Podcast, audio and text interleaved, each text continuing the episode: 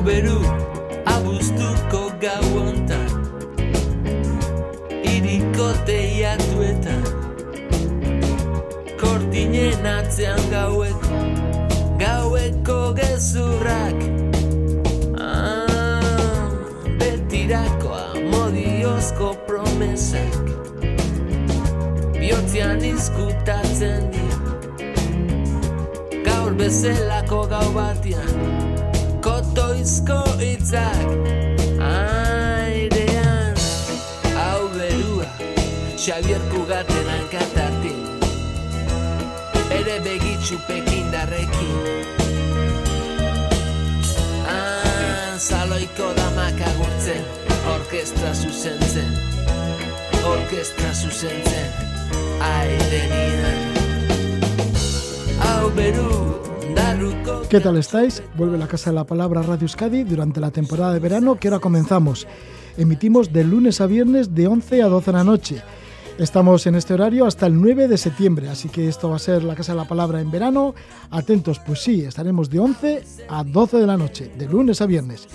Durante este periodo os vamos a ofrecer, calculo que alrededor de 51 programas en el que aparecerán entrevistas nuevas combinadas con otras rescatadas del amplio archivo de la Casa de la Palabra. Todas ellas están grabadas y editadas antes del 3 de julio, fecha en el que se me acaba el contrato en Radio Euskadi y me apunto a la jubilación. Por ejemplo, en el programa de esta noche, con la que vamos a hacer este restreno veraniego, emitiendo aquí en Radio Euskadi, bueno, pues todas las entrevistas son novedosas. Así que ahora os cuento el contenido de lo que nos espera para esta noche. Orkestra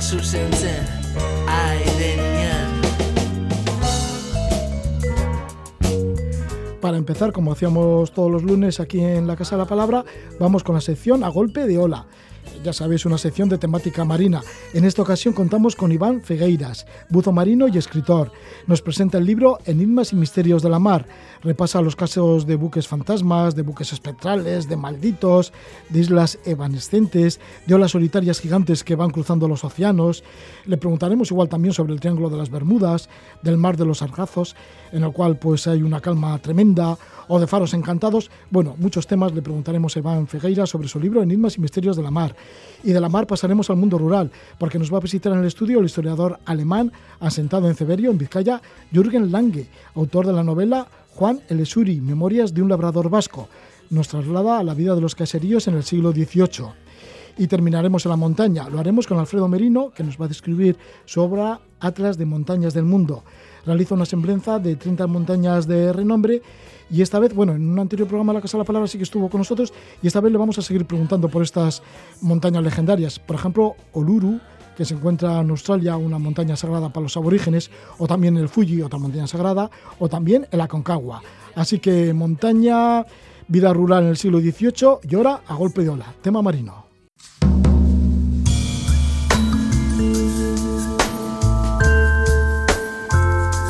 En la Casa de la Palabra, escenas marinas. A golpe de ola.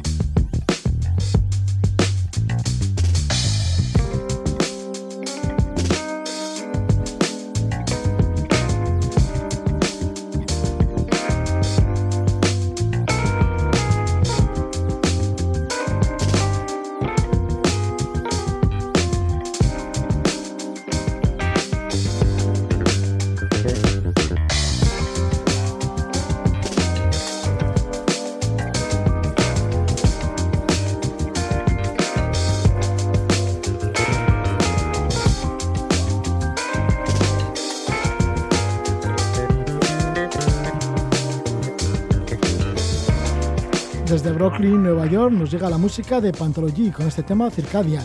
Esto nos sirve para hablar de un libro que lleva el título de Enigmas y Misterios de la Mar. Vamos a estar con Iván Fegueiras, que es su autor. Iván Fegueiras, que proviene de una familia de marineros y pescadores. Nació en Bilbao con raíces gallegas y cubanas. Es buzo marino y escritor. Su pasión por la mar le ha llevado a prestar servicios en un submarino. Su gran aventura la vivió en la expedición de 2018 de la Seven Seas Foundation a bordo del velero SV White Pigeon, con el que cruzó el Océano Pacífico desde Panamá hasta, Tahití, pasando por las Galápagos, las Marquesas y las Tuamotu. Entre sus obras, como escritor, pues ha publicado Los enigmas de Isla de Pascua, ya que estuvo en esta isla durante dos ocasiones, en el año 2003 y luego en el 2015. Y más recientemente publica este libro, Enigmas y misterios de la mar. El autor se adentra en desvelar qué sucede con los buques fantasmas, las desapariciones misteriosas en alta mar, las islas que son como espejismos, faros encantados y con un apartado final dedicado, como no, a los submarinos. Le damos la bienvenida a Iván Fegueiras. Iván, muy buenas noches. Muy buenas noches, Roge. ¿Qué tal estás? Bien, bueno, pues la tradición marinera, que siempre ha estado como muy ligada a los misterios que encierra la mar. Sí, la, verdad es que sí, sobre todo mm, para la gente de, interior que, que, lo, que ve el mar como algo tan, tan diferente, tan, tan ajeno a su, a su vida cotidiana, había que, sí que había que aclarar alguna, algunas cosas, sí unos cuantos misterios, explicarle a la gente lo que eran. Sí, y también explicar conceptos, ¿no? Porque ¿qué son esto de los buques fantasmas? Claro, es verdad que hay cosas que nos pueden parecer lo más cotidiano, pero que luego un, buque fantasma realmente es un, es un término marinero normal y corriente que se refiere a un, a un barco que tú te encuentras abandonado sin, sin tripulación. Normalmente suele ser en alta mar, pero también puede ser en, encallado, ¿no? Y que aparentemente no sabes lo que ha ocurrido. Luego ya cuando subes a bordo y haces una investigación, pues tiendes a saber que, cuáles han sido las causas del abandono y normalmente suelen ser causas normales, pero aún así hay muchos barcos fantasma que, se, que aparecen y que no se sabe por qué la tripulación los ha podido abandonar, ¿no? porque aparentemente el barco está en buen estado. Que no es lo que hay que confundir con un buque espectral, que serían un buque espectral sería el típico buque con fantasma, como el holandés errante. Sí, porque estos buques fantasmas eh, pueden ser de cualquier tamaño ¿no? y de cualquier estilo, porque pueden ser pesqueros, veleros y hasta mercantes que han, que han sido buques fantasmas. De, todo. El otro día me estaba comentando, me estaban comentando de un, un barco fantasma, probablemente el más grande que haya habido nunca, que era un portacontenedores de 40.000 de 40.000 toneladas, que apareció sin tripulación y, ojo al dato, sin carga, un portacontenedores de 40.000 toneladas. Todavía me queda pendiente de investigar eso a fondo porque es el caso más raro del que he oído hablar nunca. Sí, lo que investigas y lo que se documenta en tu libro es, por ejemplo, el caso de el Mari Celeste, que es un bergantín del siglo XIX, que apareció abandonado pasada las Islas Azores. Sí, es que el, el Mary Celeste realmente de ejemplos de barco fantasma es el, más famoso que, ha habido, porque mm, no sé exactamente cuál es la causa. Yo creo que porque después de hubo mucho ruido en la prensa británica de, de finales del 19, ya era una época en la que nacía la prensa como la conocemos hoy en día, y además el juicio fue un poquito extraño, un poco particular. El, fiscal se cree que tenía demencia senil y hizo un juicio de lo más rocambolesco. Y a partir de ahí hubo escritores como Arthur Conan Doyle que, que empezaron a repetir la historia, pero claro, cuando una historia de este tipo, tan extraña, se empieza a repetir una y otra vez, una y otra vez, se empieza a adornar de tal manera que ahora mismo cuando, cuando te pones a comentar el caso del Mary Celeste, la gente lo primero que hace es ya hablarte que si estaba la comida caliente, que si se encontraron con unas cosas rarísimas, que si había huellas de que un pulpo gigante les atacó. Es una cosa increíble, ¿no? Pero sí, realmente el caso del Mary Celeste fue muy conocido por razones obvias. Fue un caso de barco fantasma de los de, libro. Misterioso si lo ves a primera vista, sin conocer lo que es el mundo de la mar, pero bueno, si conoces cómo funciona un barco y analizas el, caso, no, no, no es que tenga demasiado misterio, la verdad el Mari Celeste que fue encontrado a la deriva, pues sí, una vez que pasó las Islas Azores en el Atlántico. Y lo curioso es que todo estaba en orden, ¿no? Cuando subieron a bordo los de la tripulación del Dei Gratia que lo encontró. Sí, la verdad es que el barco estaba en, no en perfecto estado de navegación, pero casi. Tenía un poquito de, agua en la sentina, pero tenían provisiones para, para, un montón de meses. Estaba todo en perfecto estado. Pero claro, mm, había un pequeño detallito, que la carga que transportaban era bastante peligrosa y que era alcohol desnaturalizado que tiene la tendencia a cuando el barril lo abres ese vapor eh, ese perdón ese alcohol se evapora muy rápidamente y tiende a acumularse en las bodegas de los barcos y es un y es un gas muy muy muy explosivo mucho más que el butano que tenemos en nuestras casas entonces la tripulación sabía lo que hacía o sea, notaron una, bueno, no iba a decir una pequeña explosión, no, notaron una explosión que lanzó todas las escotillas hacia arriba y cuando vieron el peligro que corrían abandonaron el, abandonaron el barco. Se amarraron a, él por si acaso, pero la estacha o el cabo que, emplearon para amarrar el bote se rompió. Simplemente el bote se perdió en mitad del Atlántico y el barco se fue por su cuenta porque no, no habían tenido tiempo de arriar todas las velas. Y el bergantín se fue, él solo. Pues sí, el caso del Mar Celeste. Y esto pues es un ejemplo más de estos buques fantasmas, también hablas de buques espectrales y malditos y por supuesto del Triángulo de las Bermudas. El Triángulo de las Bermudas que está situado supuestamente en el área comprendida entre San Juan de Puerto Rico, Miami y las Islas Bermudas, pero parece ser que es toda una leyenda lo que hay alrededor, ¿no? de este Triángulo de las Bermudas.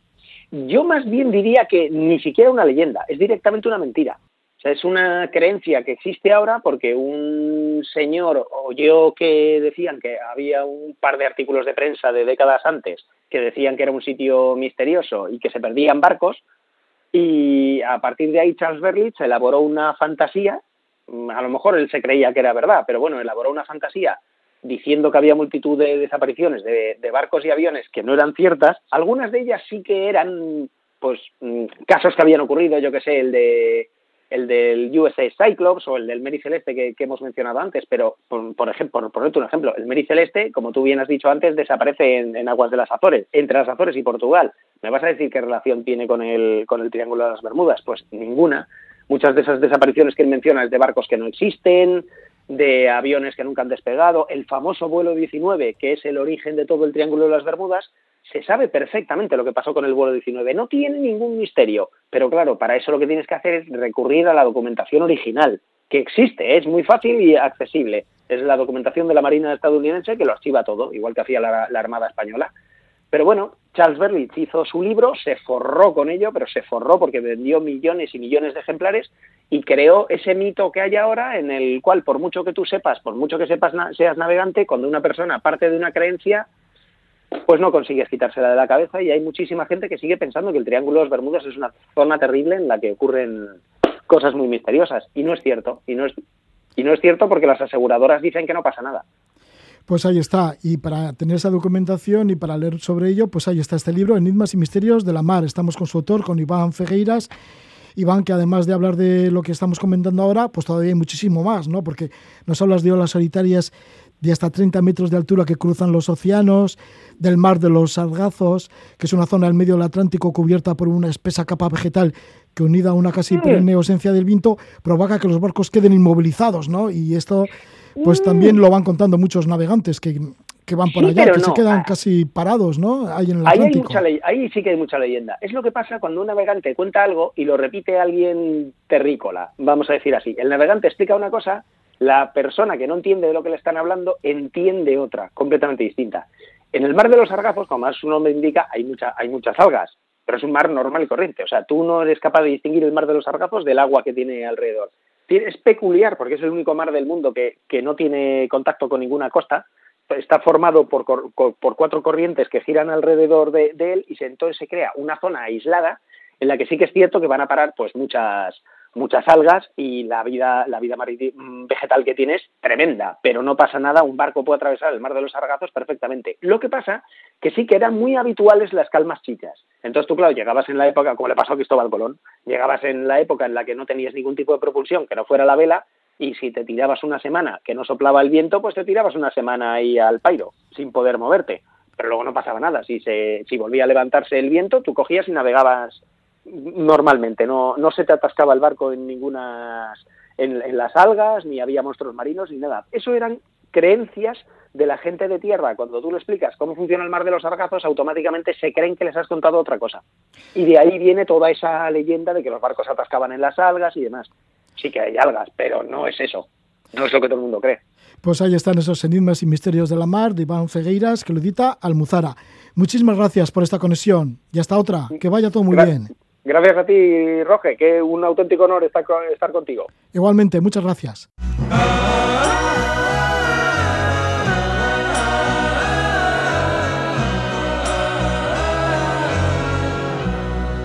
Salitre, viento, arena, en la casa de la palabra.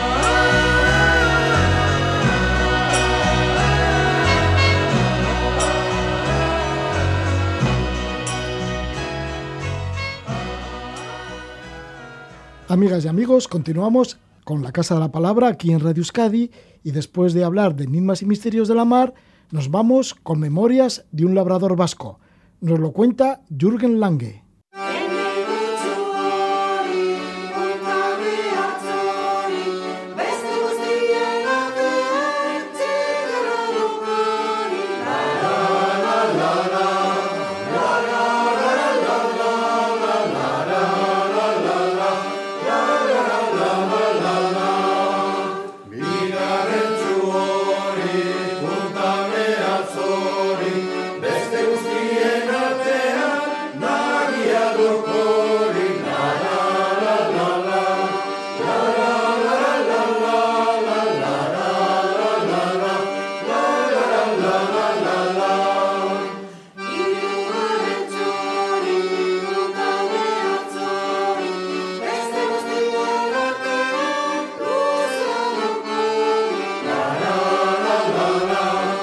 Es el tema tradicional Lengochu Ori.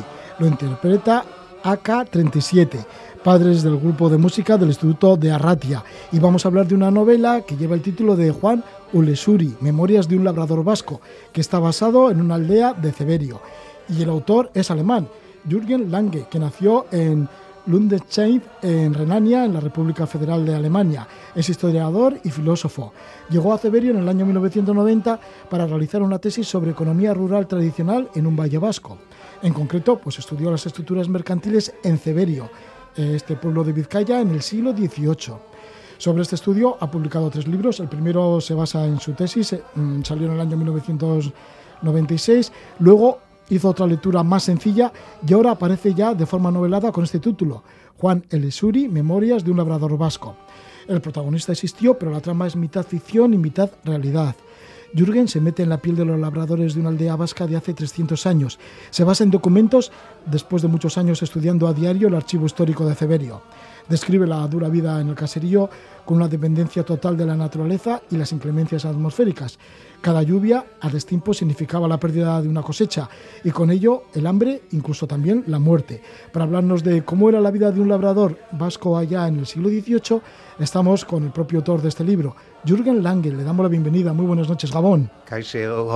Gracias por la invitación.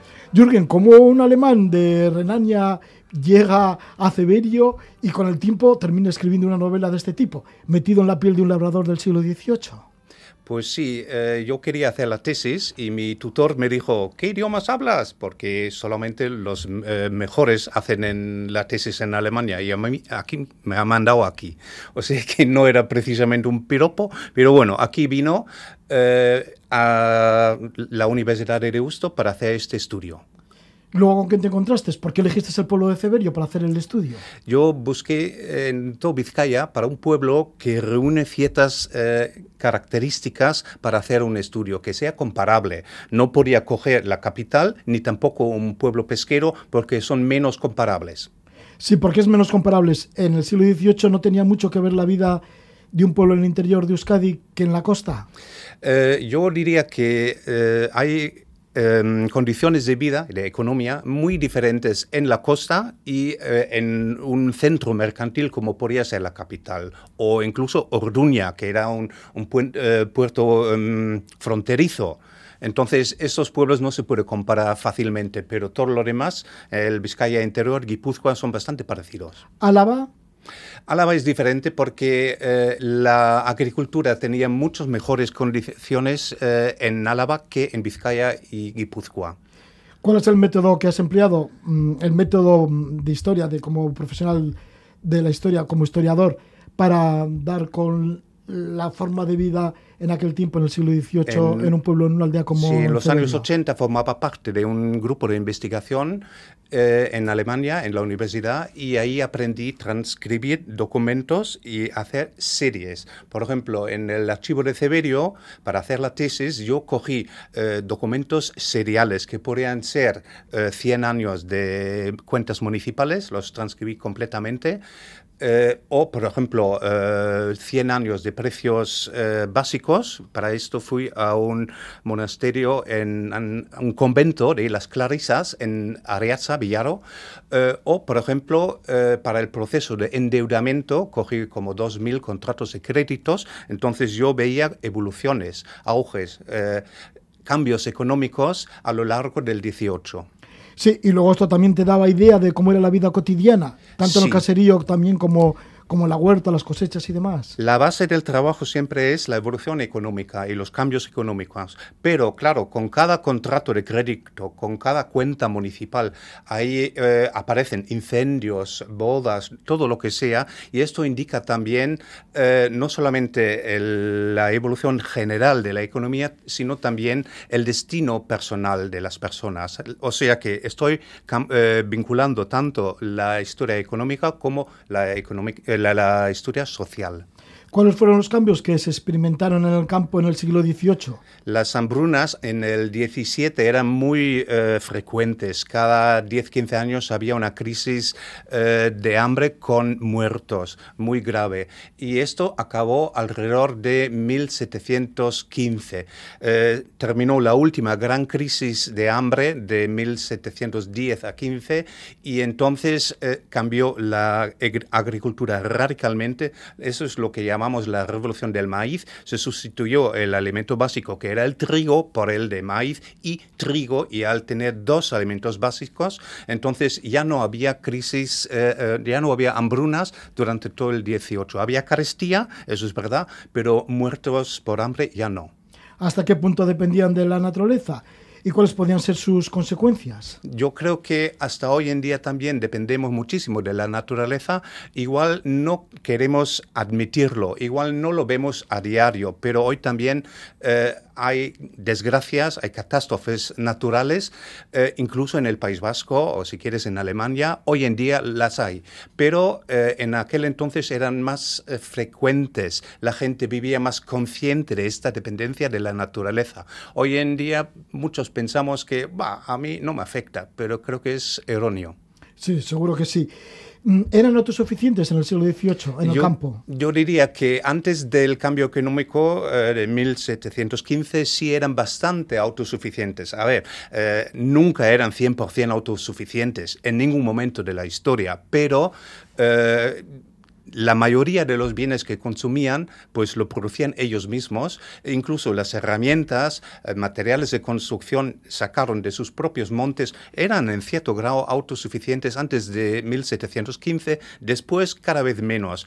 Eh, yo pongo aquí el 1715 eh, como un cambio en la economía y un paso enorme hacia la economía de mercado. Entonces, claro, por definición, había menos autosuficiencia en la mitad o al final del 18. Sí, antes de 1715 incluso la vestimenta la hacían también de lo que producían ellos en el campo. Eran sobre, bueno, había eh, dos tipos de lana, lana merina, pues de la meseta, pero esto era para mercancía, esto lo exportaban por el puerto de Bilbao.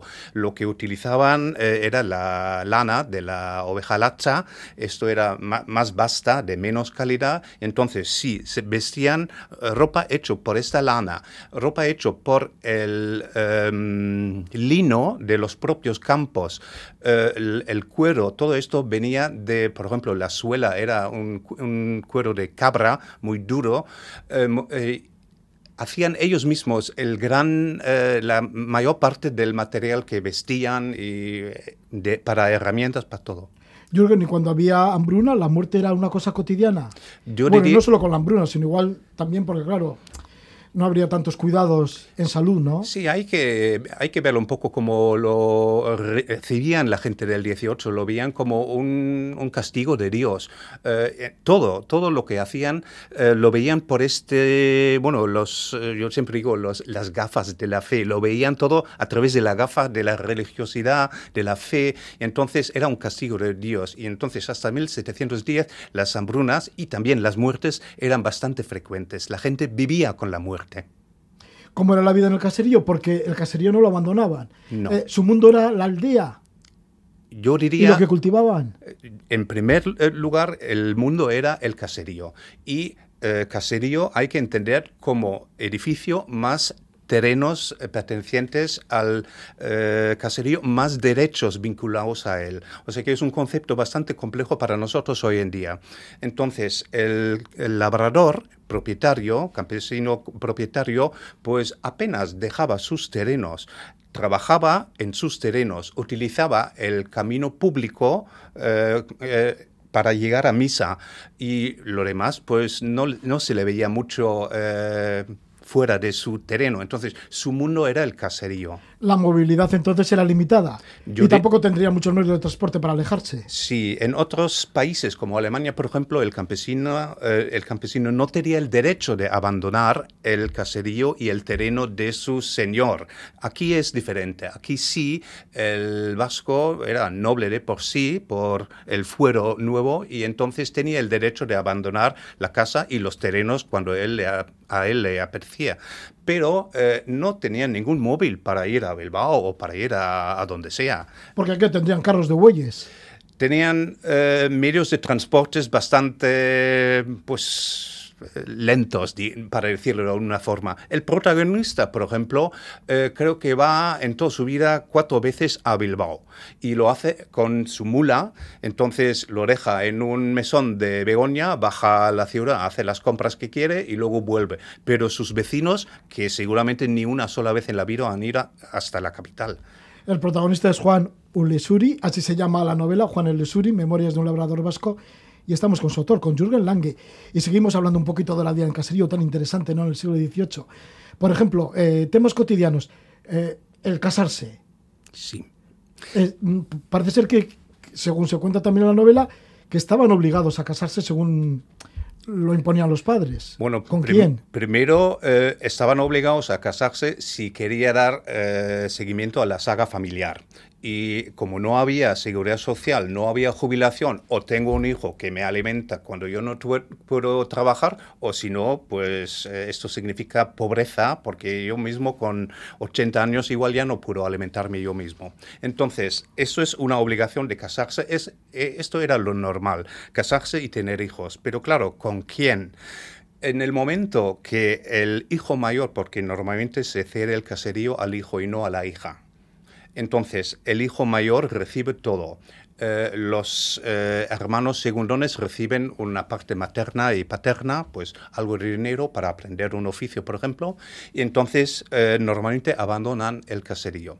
En el momento que se casa el hijo mayor y es heredero, ya, ya un llave, ya es el propietario del caserío familiar, en ese momento los padres ya no pintaban nada legalmente. De hecho, sí, seguía mandando, sobre todo la abuela siempre tenía mucha influencia eh, sobre todas las decisiones familiares, pero eh, legalmente era el hijo mayor, en el momento que se casa, era el... Em, eh, el jefe de, casa. Y precisamente por esa razón los padres no le daban permiso de casarse. No o sea, los padres determinaban con quién se casaba. No solamente, primero el momento. Y luego también, si la hija eh, no trae nada al matrimonio o era pobre, pues no daban su consentimiento. Entonces eh, dijeron, o te casas con un buen partido, una persona que tiene algo de dinero, que tiene vacas, que tiene monte, eh, y si no lo haces, pues no damos nuestro acuerdo y te quedas sin nada, sin herencia. Había aldeanos ricos y aldeanos pobres según el, terreno que tenían. Sí. Según eh, la extensión. Mucha diferencia entre ricos y pobres. Eh, había gente tan sumamente ricas que en una economía no monetaria apenas, porque no se veía el dinero, dinero no se veía las monedas. Entonces eh, había gente que daba créditos, que es increíble que había gente tan rica que les sobraba el dinero que podían dar préstamos. Pues sí, esto existía. Luego eh, es verdad que este grupo de los muy ricos era muy pequeño, eran pues, una mano, un puñal de personas que podían permitirse esto. Estos eran los propietarios de montes, eh, de los grandes rebaños de vacas en el Gorbea, esos eran muy ricos. Y luego... Con varias hectáreas de terreno, ¿no? Sí, la media de propiedad era como alrededor de una hectárea, eh, y esto era ni siquiera lo suficiente para eh, alimentar una familia de seis personas. Entonces, eh, para esto necesitaba una y media, dos hectáreas, pero la gente no tenía tanto. Y esto quiere decir que era una eh, economía familiar mixta. Necesitaban ingresos suplementarios de trabajos como peón en la construcción eh, o, por ejemplo, eh, de, de, mm, trabajadores en el monte para hacer carbón vegetal que se vendía a las ferrerías. Los que no tenían tierras ni caserío, ¿qué sucede con ellos? Los había también peones, jornaleros, gente muy pobres que a veces no sabían eh, qué comer porque no tenían, si no tenían ingresos, y si tenían ingresos eh, desaparecían al día. O sea que gente que vivía de día a día y pues pasaban hambre. ¿En el caserío como cuántas personas podían vivir? La media era como seis, seis y media, siete personas, eh, normalmente de tres generaciones, eh, y esto funcionaba mientras los segundones abandonaban el caserío, si no, pues había demasiadas bocas para llenar. Jürgen, ya que te has metido en la piel de un labrador vasco, en este caso un labrador de Ceberio en el siglo XVIII, mm, ya metido tan de lleno de ello, ¿cómo lo sentirías? Porque eran felices, a pesar de que ya has dicho que muchas veces acuciaba el hambre, dependían de la cosecha, dependían directamente de la naturaleza. Mm, ¿Terminaban por ser felices o no? Yo creo que sí. Em, no tengo pruebas de ello, pero quiero verlo así. Quiero ver que, quiero entender que tanto la mujer, que hoy en día igual decimos que eh, estaba dominado por el hombre, al menos en la vida pública, o eh, con la presencia de la muerte, que podría Mm, suceder en cualquier momento eh, y mucho más a menudo que muchos hijos no llegaban a la edad de 10 años. Entonces, eh, esto podría ser una razón de, de, entristecerse uno, pero yo no lo veo así. Yo creo que lo aceptaban, aceptaban sus condiciones de vida y estaban muy marcados, incluso los rostros bronceados por el sol. Eh, yo me imagino eh, el aldeano, la aldeana de esa forma, yo la, veo sonriendo, yo los veo como felices. Muchas gracias por estar con nosotros, Jürgen Lange, autor de la novela Juan el Lesuri, Memorias de un labrador vasco. Gracias, Jorge, gracias a ti.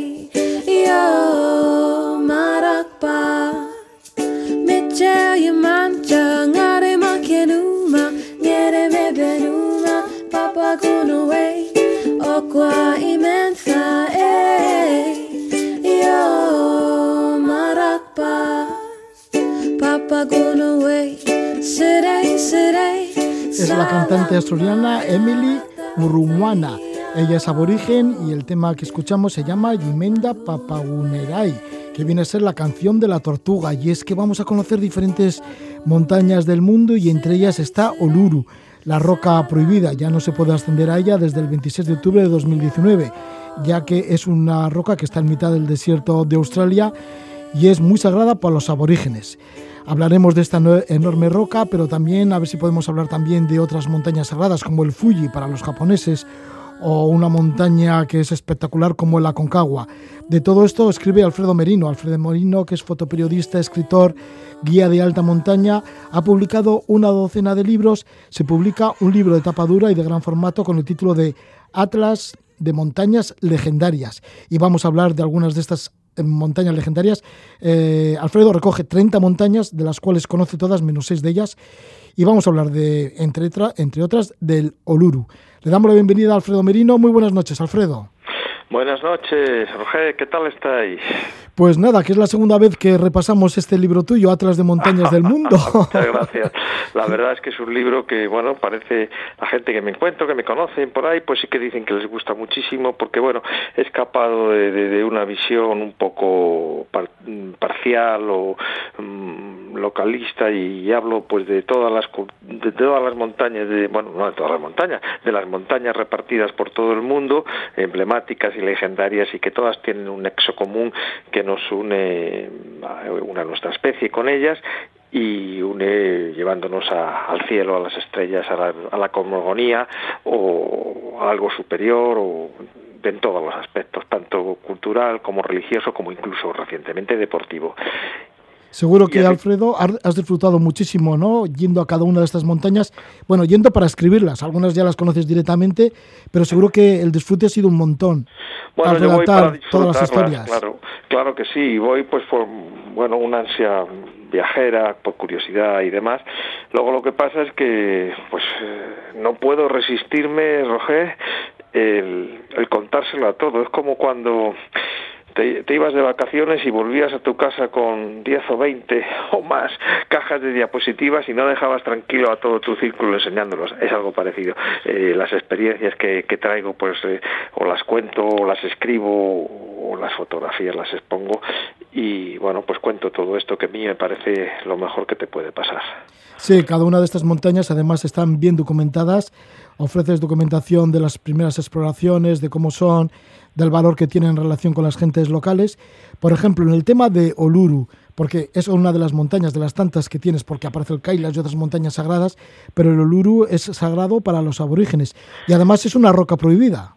Efectivamente, el Uluru eh, pues es una montaña que hasta prácticamente ayer mismo se llamaba precisamente Ayers Rock, Ayers Rock el nombre de un político australiano, el Uluru es una roca, una, roca inmensa de arenisca de color rojizo inconfundible y que se encuentra en el corazón de Australia por Alice Spring, en las zonas desérticas del centro de Australia. Y bueno, pues es un referente turístico hasta hasta que dejó dejó de poder subirse a ella pero ocurre que los aborígenes, los primitivos y primeros y auténticos pobladores y pueblos locales, los aborígenes australianos, consideraban a, esta montaña, igual que otras muchas manifestaciones de la Tierra, otras montañas que hay por la zona, eh, ríos o incluso los animales, como representación o expresión de sus divinidades o de algo superior que ellos tienen en, en sus creencias, lo que llaman el drift time, el, amanecer del mundo o el, tiempo del sueño una historia que está entre la imaginación y la realidad y que toma cuerpo, toma cuerpo en este caso en una montaña que es el Uluru. El Uluru, que tiene 348 metros, tiene una longitud de 3,6 kilómetros y 2 kilómetros de ancho pero lo importante de ello, de esta montaña, pues eso, que es muy importante para la cosmología de los aborígenes. Y parece ser que para ellos era un menosprecio que se habría convertido en un símbolo de destino turístico para Australia.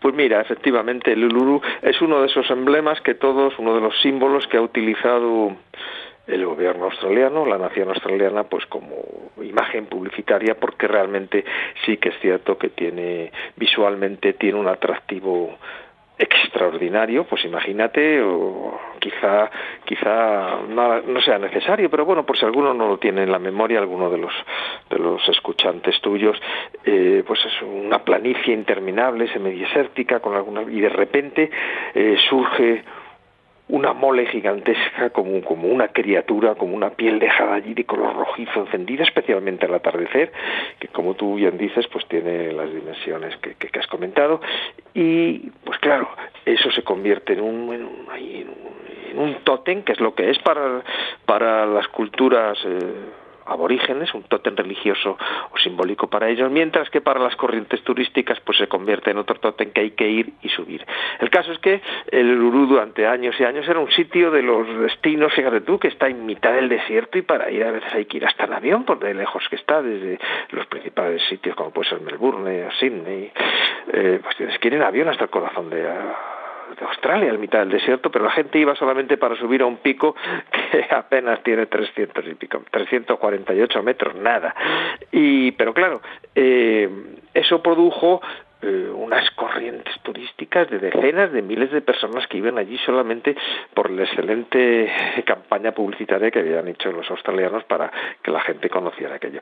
Total, aquello se había convertido en un circo, la gente subía mm, de cualquier manera, subían en bicicleta, hacían, eh, otros subían desnudos sin que nada preocupe el subir desnudos, sino simplemente la falta de, respeto a una creencia local, eh, había una proliferación de basuras extraordinarias, se colocaron porque hubo varios accidentes. La subida no es muy complicada, pero al ser arenisca y tener algunos tramos, algunos trechos del ascenso, breve en cualquier caso, eh, verticales o ligeramente más verticales, más inclinados, eh, habían producido, pues arenisca, pues la gente se había escurrido y había habido accidentes mortales. Entonces, eh, pues para facilitar el tránsito y que fuera aún más gente, pues se pusieron unas, se taladró la roca, se pusieron unas estacas de hierro gigantes y unas barandillas, unos cables, para que la marea esta de, turistas, pues siguiera subiendo. Y así fue así fue hasta una fecha que pues bueno para los aborígenes eh, los aborígenes australianos fue casi casi como el renacer del mundo. Fue el 26 de octubre de 2019 cuando el gobierno australiano finalmente cerró el Uluru y haciendo, haciendo caso a los bueno, pues a todos los poderes indígenas de la zona para que nadie nunca más, en principio así está escrito, pueda volver a subir a, a la cumbre de esta montaña bajo severísimas multas, por supuesto, con el fin de devolver a, a los aborígenes eh, la dignidad que habían perdido bajo las botas de los turistas, Roger. Pues sí, ahí está el Uluru y ahora pues sí que está vetada subir a esta roca que tú nombras en tu capítulo del Uluru, roca prohibida. Y luego también nos vamos hacia el Fuji, al Fuji lo titulas El gigante más venerado. Aquí estamos hablando de una montaña de 3.776 metros que mm, relatas que cuando estuviste en Tokio subiste a una gran torre, al Sky Tree, y desde esta torre de 664 metros de altitud, pues sí que se podía ver de vez en cuando el Fuji. Pues claro, sí que se ve. Eh, bueno, es una de las estructuras más, más altas que hay en todo el continente africano, por supuesto la más alta de Japón, de todo el continente asiático, perdona, y es la más alta que hay en Japón, pues es una, es una torre de comunicaciones que está en, mitad de Tokio. Y claro, allí pues eh, cuando no hay mucha contaminación, algo complicado en una población eh, y su entorno de más de 19 millones de habitantes eh, totalmente modernizada y con bueno pues cuando se despeja la contaminación y las nubes, ya te digo, pues de a lo lejos se ve allí la silueta de, Fujisan la montaña sagrada del país del sol naciente. Entonces, pues todos los turistas que suben allí, bueno, hay muchos turistas internacionales, pero mayormente los turistas que suben a estos sitios, eh, hay tanta gente en Japón que la mayoría son japoneses, pues se vuelven rápidamente y de hecho muchos suben una y otra vez y hasta que consiguen que esa contaminación se haya disuelto en la atmósfera y puedan ver el Fuji, la montaña sagrada suya, para, para hacerle una foto. Sí, porque dices que es la montaña más fotografiada del mundo. Es lo que yo pienso. Sí, y además la imagen predilecta del país del lejano oriente. Y también, por supuesto, importante, es un monte de peregrinación para budistas y sintoístas. Así que su ascensión, sobre todo marcas en julio y agosto, es numerosa de estos peregrinos. Pues sí, es una peregrinación muy, muy, muy, muy numerosa que se pierde en la noche de los tiempos y bueno, el monte Fuji, pues es un monte alto, 3.700 y pico metros, eh, ya lo hemos dicho, pero bueno, eh, allí hay trazado una serie de, de caminos que, con paradas que le llaman estaciones y se pierde en la noche de los tiempos la tradición, la tradición religiosa de subir a esta montaña. Eh, las primeras referencias, pero no son las primeras referencias que se tienen, no son las primeras que se subieron, se remontan al año 663 de nuestra era. Eh, entonces los peregrinos a no miles, a decenas de miles suben durante los meses que se puede, porque claro, al ser tan alta la montaña, eh, el monte Fuji, al ser tan elevado, con una cota tan elevada y al estar en una latitud Japón en la que está, pues eh, gran parte del año está cubierta de nieve y no es posible subir a no ser que seas un montañero, un alpinista avezado. Eh, allí sube gente, yo cuando he estado visto gente, no te puedo decir la edad porque no se la pregunté y no soy capaz de determinar la edad de un oriental solamente viéndola, pero te puedo asegurar que por sus movimientos eran personas, mujeres, hombres eh, de mayores de 60 años. Entonces también, aparte de ser la montaña más fotografiada del mundo, Roger, yo creo que es la montaña más ascendida del mundo. Sí, y para ascenderla hay 10 estaciones hasta la cumbre. Y la más famosa, la más popular, marcas que es la octava. ¿Por qué? Eh? Bueno, la octava es, mm, bueno, es un, le llaman estaciones, es una especie de, yo no lo calificaría de refugio porque la gente que sepa lo que es un refugio en España pensaría, pensaría que es otra cosa. Son construcciones en las cuales, pues, bueno, eh, descansas, haces una parada o una parada que puede ser mayor o menor según tus fuerzas o según tus ganas. Hay gente que lo dilata y prefiere hacer la ascensión tranquilamente en dos días, eh, por disfrutar más o por peregrinar más intensamente.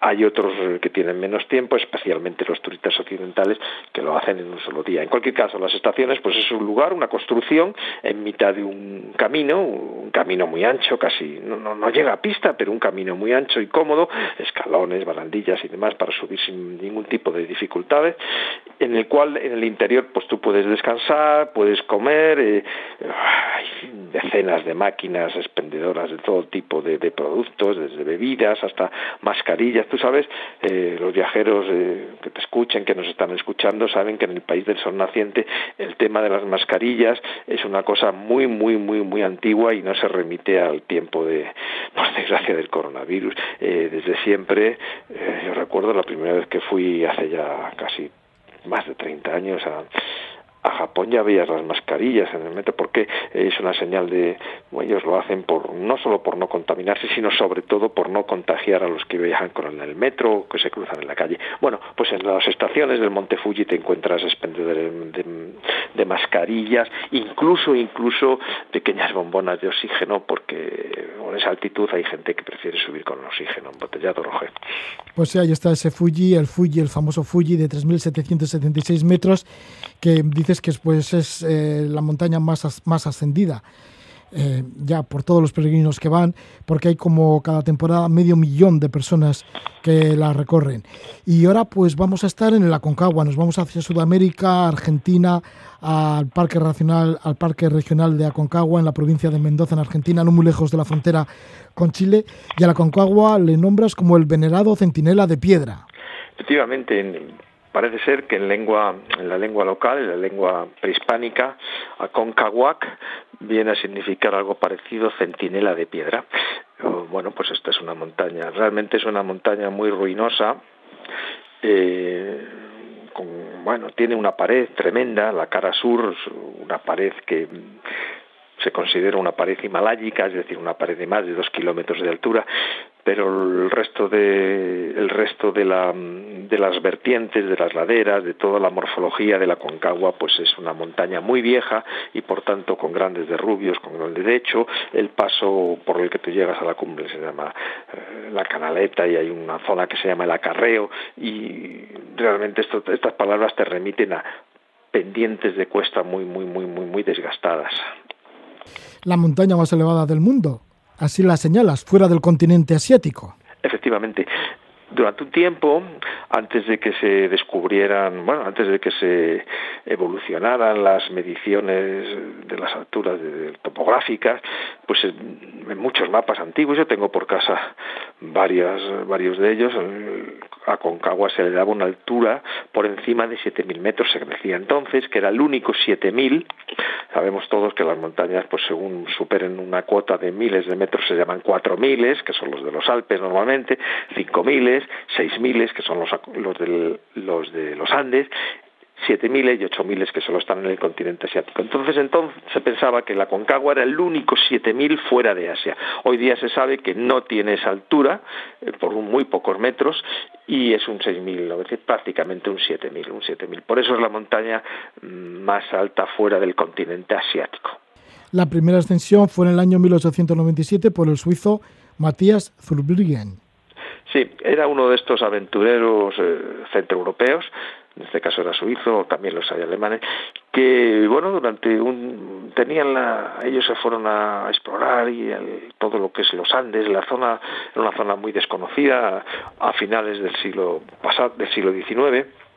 Entonces este suizo era un guía Matías Zurbriggen es eh, miembro de una generación, de una saga mm, famosa de, de, guías alpinos, pues eh, fue allí y bueno, después de varios intentos consiguió ascender a esta montaña y pues tuvo el récord de altura durante, durante un tiempo.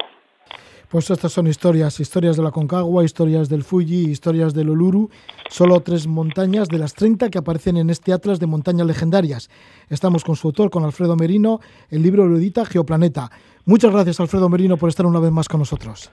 Gracias a ti, Roger, y a las montañas siempre. Un abrazo muy grande.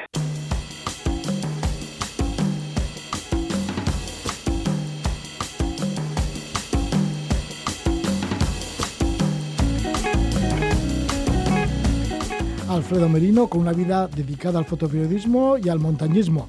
Ha escrito con mucho criterio este libro, Atlas de las Montañas Legendarias. Nos despedimos con la música del grupo de Motricu, de Lirium Stremes, rock empapado de salitre, que después de tres décadas han vuelto a grabar un nuevo disco. El disco se llama Órdago y vamos a escuchar la canción Hola Tío. Bueno, esta canción Hola Tío pues también nos sirve para saludaros con este retorno que tenemos este verano, en la temporada de verano aquí en Radio Euskadi, de la Casa de la Palabra. Ya sabéis, vamos a estar hasta, septiembre y así que mañana mismo vamos a estar de lunes a viernes de 11 a 12 de la noche, así que mañana mismo volvimos de nuevo aquí a la sintonía de Radio Euskadi en este horario. Que lo disfrutéis mucho. Os dejo con Delirium Tremens. Hola tío, asfaldiko Ondo. Andria zelan. Talanian. Galdatzen badiazu erantzungo dizut. Nondik hasi ez dakit benetan diozut.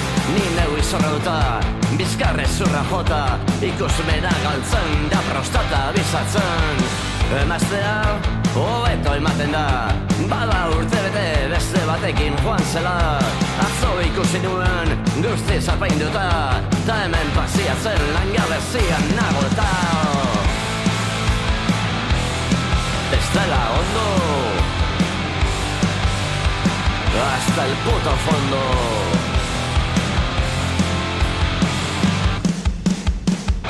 Por cierto zeu Itxura hona daukazu Ondo, ez? Zuzeuk esan dezu dena itxura da. Kanpotik badirudi, barrutik ez dala. Familia ondo dijoa, ez da arazoa.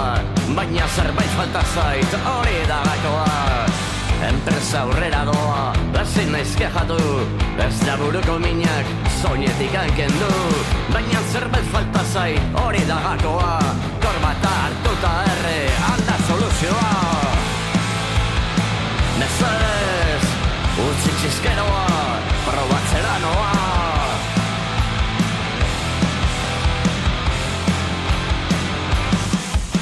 Galdetzen badiazu, erantzungo dizut Nondik hasi ez dakit, benetan diozut. Zuzeuk esan dezu, dena itxura da. Kanpotik badirudi, barrutik ez da